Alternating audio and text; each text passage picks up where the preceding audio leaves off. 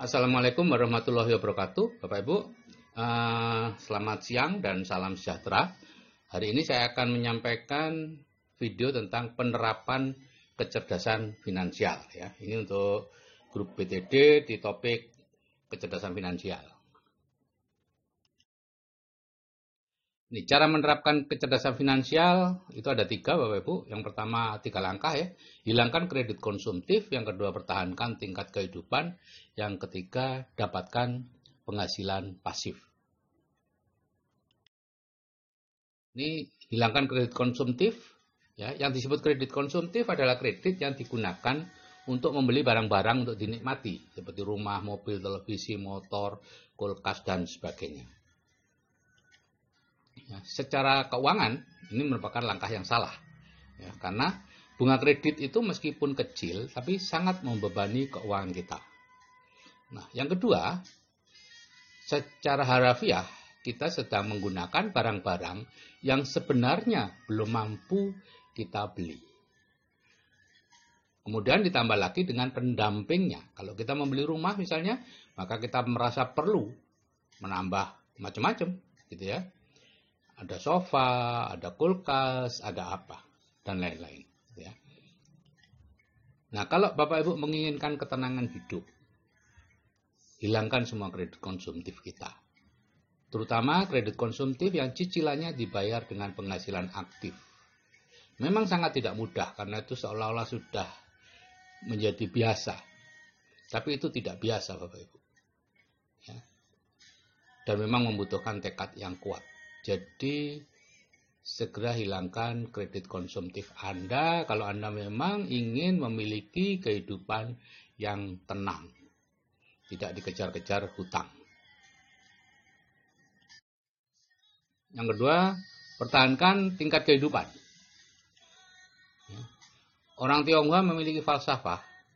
Jika kita mendapatkan 100, hanya 10 yang boleh dimakan sedang yang 90 digunakan untuk kepentingan masa depan. Nah, saya dulu tentu juga kaget Bapak Ibu karena jangankan makan 10, menyisakan 10 saja sudah susah gitu ya. Nah, tapi ternyata memang ya itulah yang memang harus kita lakukan kalau kita ingin memiliki kehidupan yang baik di masa depan. Nah, ini cerita tentang Mbah Sugondo. Mbah Sugondo itu kakeknya istri saya, Buwati, ya, yang sebenarnya juga adiknya nenek saya. Jadi ada empat bersaudara, nenek saya itu nomor dua, Mbah Sugondo itu nomor empat. Nah, Mbah Sugondo orang yang terkaya di desanya, di desa Kebonsari Kidul, Yosawilangun, Kidul, Kabupaten Lumajang. Nah, saat saya SMA, saya masih ingat itu. Saya bertanya kepada beliau, Kenapa beliau paling kaya dari empat bersaudara? Ya. Nah, kemudian beliau menjawab, Bapak, berapapun tambahan penghasilan yang diperoleh, tidak digunakan untuk hidup, melainkan untuk dikembangkan lagi. Disewakan sawah, akhirnya bisa beli sawah, dan seterusnya. Sehingga pada akhir hayat beliau punya 12 hektar sawah, kurang lebih. Nah, saat saya memulai perubahan, Bapak Ibu, atas anjuran mentor, saya menurunkan gaya hidup gitu ya. Sebagian besar mobil dijual ya sisakan dua. Tadinya ada lima mobil. Kolam renang tidak diisi lagi ya. Kebetulan memang anak-anak sudah agak besar. Dan kebun anggrek ya di sepanjang tembok belakang rumah saya di Batu itu penuh dengan anggrek bulan. Tidak dirawat lagi ya. Dan kebiasaan rekreasi dengan keluarga besar setiap tahun menyewa bus dan lain-lain di stop Nah, itu itu sangat emosional. Karena orang akan menganggap kita sudah bangkrut, menurun dan lain-lain. Ya. Mereka tidak tahu apa yang kita tahu. Dan yang ketiga, langkahnya adalah mendapatkan penghasilan pasif.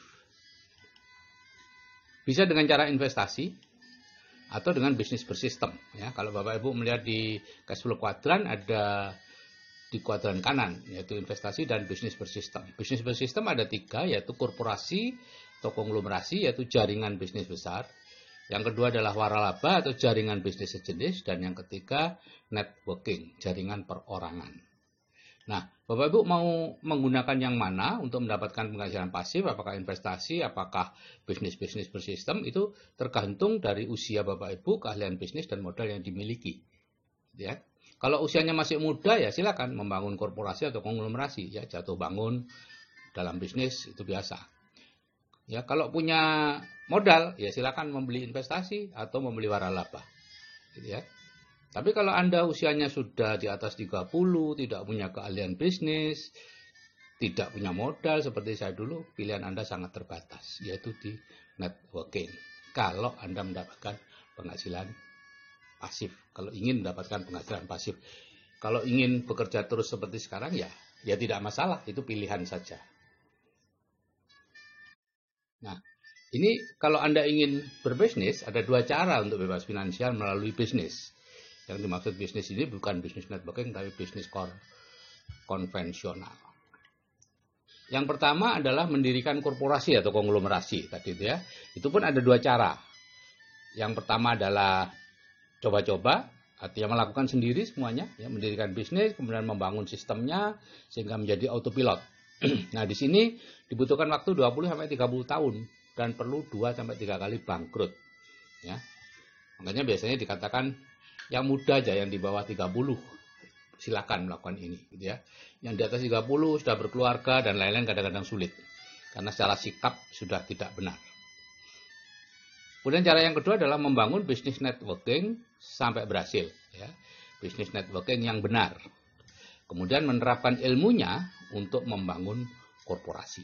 Ya, jadi Robert Kiyosaki mengatakan bisnis networking dengan sistem yang sudah teruji ya usianya sudah di atas 10 tahun, kemudian memiliki pendidikan yang baik.